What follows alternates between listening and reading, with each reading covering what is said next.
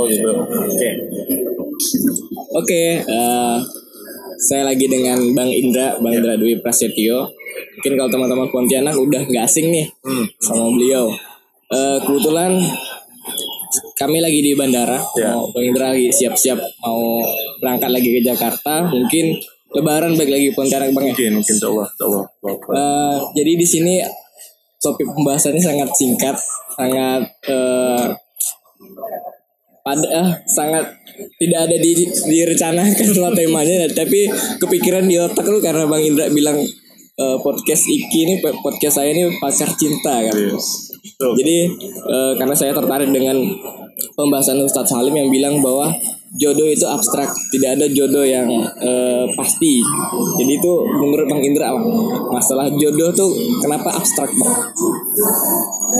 Hmm. Soalnya bilang gitu ya. Iya, ada buku. Saya, saya lupa bukunya apa. Oke. Saya pernah mendengar satu kajian uh, Prof. Price, tuh. Prof. Price Shihab pernah bilang bahwa misalkan suami istri menikah kemudian bercerai gitu ya, terus apakah uh, Itu jodoh. pasangan yang dinikahi sebelum itu Jodoh adalah jodohnya gitu? Indikator jodoh itu apa? Padahal orang masih bisa bercerai.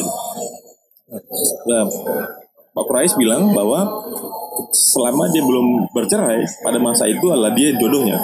Ketika dia bercerai maka dia bukan jodohnya. Dan ketika dia menikah lagi maka yang pasangan yang baru itu jodohnya.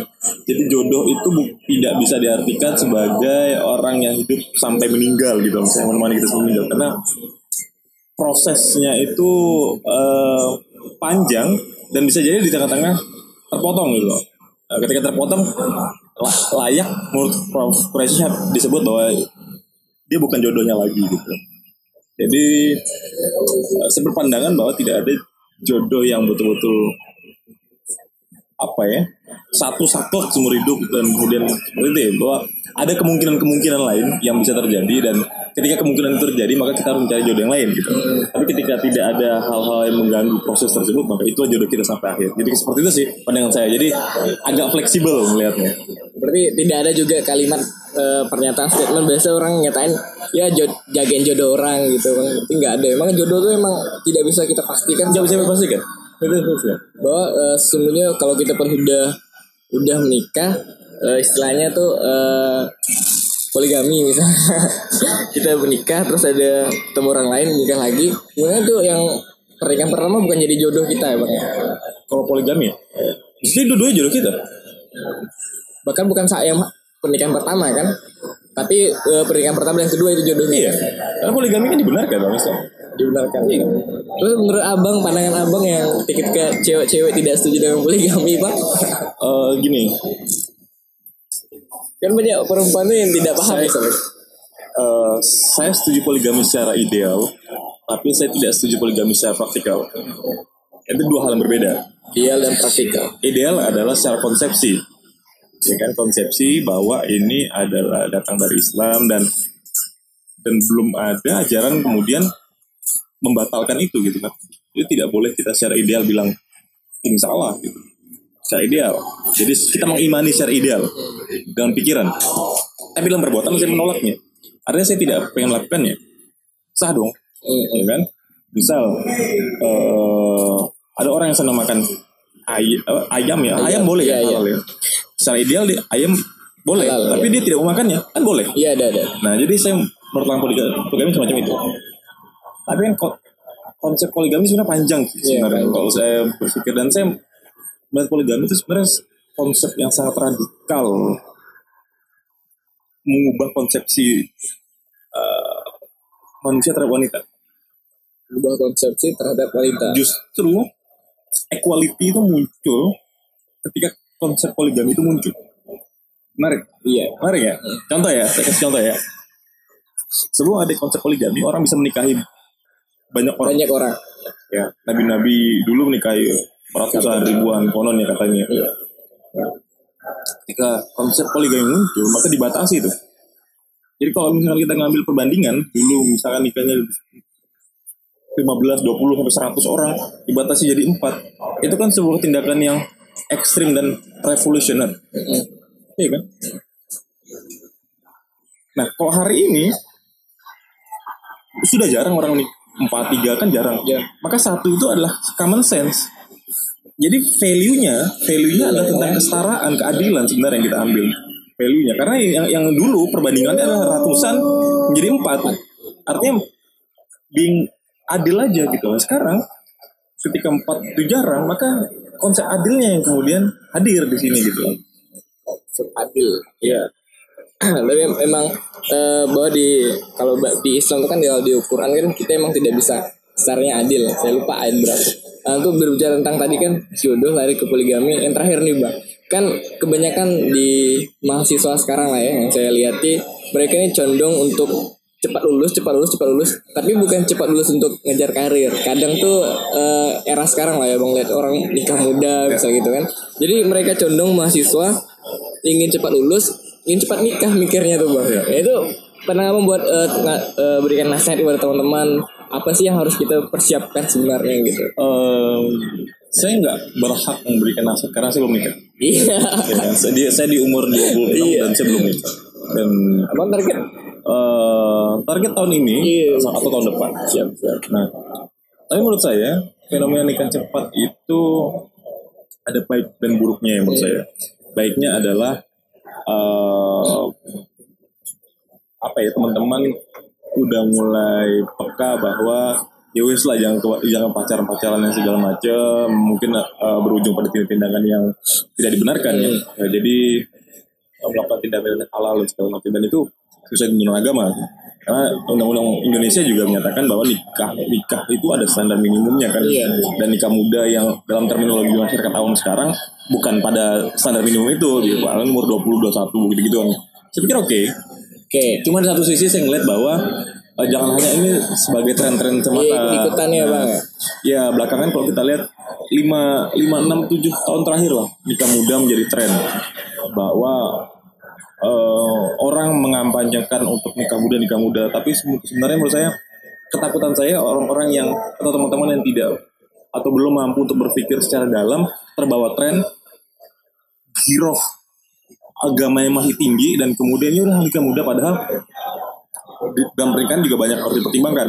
Aspek emosional aspek Finansial. finansial nah bisa jadi eh, itu belum siap. Tapi karena tren itu dan giroh agama yang tinggi itu kemudian berbondong-bondong untuk nikah muda. Jadi kalau yang udah siap saya persilakan. Ya. Kalau udah siap saya persilakan. Tapi yang belum siap kemudian melakukan itu semata-mata karena tuntunan tren hati-hati aja hati-hati aja. Oke, Eh, berbicara tentang tadi bang, abang tentang ngomong eh, finansial, emosional kan, yang saya ketahui ini ada ada empat yang harus kita kuasai nih sebelum kita eh, beranjak sana ya tadi finansial, Ya. emosional, mental, dan yang keempat nih adalah eh sakofah, pemahaman. Nah, jadi buat antara empat ini coba bang kasih tips ap- kenapa kita harus belajar ini bang dari finansial. Tapi yang menurut saya pertamanya adalah mental.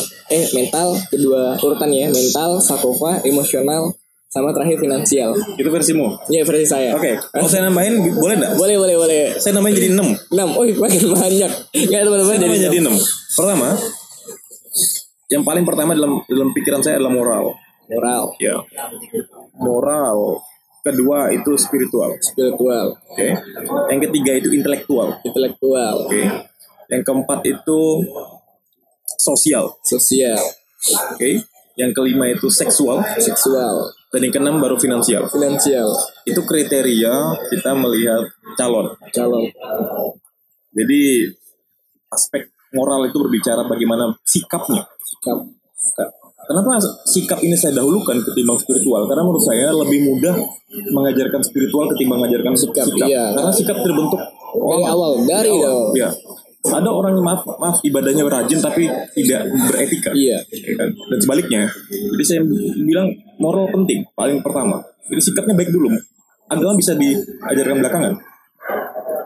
Kedua baru spiritual itu konteks dia dengan Tuhan, ibadah segala macam. Tiga intelektual.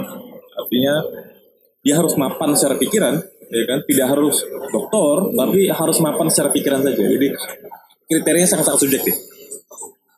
Keempat, ini sosial. Bagaimana dia di lingkungannya? Teman-temannya seperti apa? Eh, lingkungannya seperti apa? Follower-followernya seperti apa? Ya, kalau di media sosial sekarang, ya.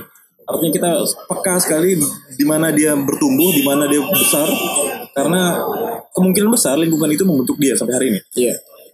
Nah, kelima ini seksual, perkara keindahan, perkara keindahan, perkara kegantengan, kecantikan itu penting. Jadi jangan kemudian kita menafikan bahwa ini nggak penting, Iya. penting enggak enggak, ini penting. Penting milih itu penting. Ya, makanya saya bilang eh, seksual itu penting. Dan yang terakhir adalah finansial. Finansial. Artinya kalau misalnya ada dua pasang calon, Iki nih pengen nikah, Kayak semua sama lima limanya. Nah maka harus dipertimbangkan finansial. Finansial. Mana yang lebih tajir di antaranya pilih yang gitu gitu ya maksudnya. Siap. Eh, tapi kalau disuruh saya lihat skemanya dari S1 sampai 6 tadi ya masing-masing sesuai prioritasnya. Jadi saya prioritaskan yang dari paling atas sampai paling bawah kayak gitu. ada enam ya. Makin, Ada enam. Makin Jadi banyak. makin banyak. Iya, Tapi jadi sebenarnya bisa hampir sama ya. hampir Kan sama. sama ya. Jadi kita tambah empat jadi sepuluh ya. Ya kayak Sepuluh Sakofah tadi kan Sakofah tadi mungkin meliputi Mungkin dua. meliputi intelektual. Ya. Oke, eh, terakhir nih bang, Ya. abang ada sedikit statement ya buat pendengar podcast eh, tentang dia, tentang dia nih, ibaratkan dia yang masih dirahasiakan bang. Ya. Bisa kita bahas tentang cinta, bahas tentang yang tadi kita bahas tentang moral, Ya. bahas tentang spiritual, Ya. tentang politik sekalipun bisa kita bahas. Gitu. Tentang dia, oke. Iya dia. Maksud abang ada eh, satu kata dua kata buat dia, dia yang masih dirahasiakan nih bang. kan target tahun ini atau tahun depan, insya Allah. eh ini berat berat sih pertanyaan-pertanyaan ini berat. Em, jangan jangan berkacamata kuda. Jadi perluas pergaulan, perluas pertemanan, karena dia itu sangat sangat sangat multitafsir. Jadi yang maha dia itu kan cuma Tuhan. Selain Tuhan kan tidak ada yang maha dia. Jadi dia itu banyak banget gitu. Jadi jangan berkacamata kuda. Kalau emang kalian belum menentukan siapa, you have the freedom to choose siapa pun dengan kriteria-kriteria yang saya sebutkan tadi. Jadi ketika ada yang lebih baik, kenapa tidak? Saya kurang setuju ketika ada orang bilang bahwa ya udahlah kita kan nggak nyari yang sempurna. Itu benar. Ketika kita sudah menemukan, tapi ketika kita belum menemukan, kita berhak mencari yang lebih baik. Ya, jadi carilah yang paling mendekati sempurna di antara yang belum sempurna. Jadi itu saran saya sih untuk yang pencari dia, cari saja se- sebaik-baiknya sampai kita menemukan yang menurut saya yang mendekati paling baik di mata kita. Mungkin dialah yang mungkin jodoh kita, mungkin jodoh kita kalau kita Pak Faiz. Benar-benar.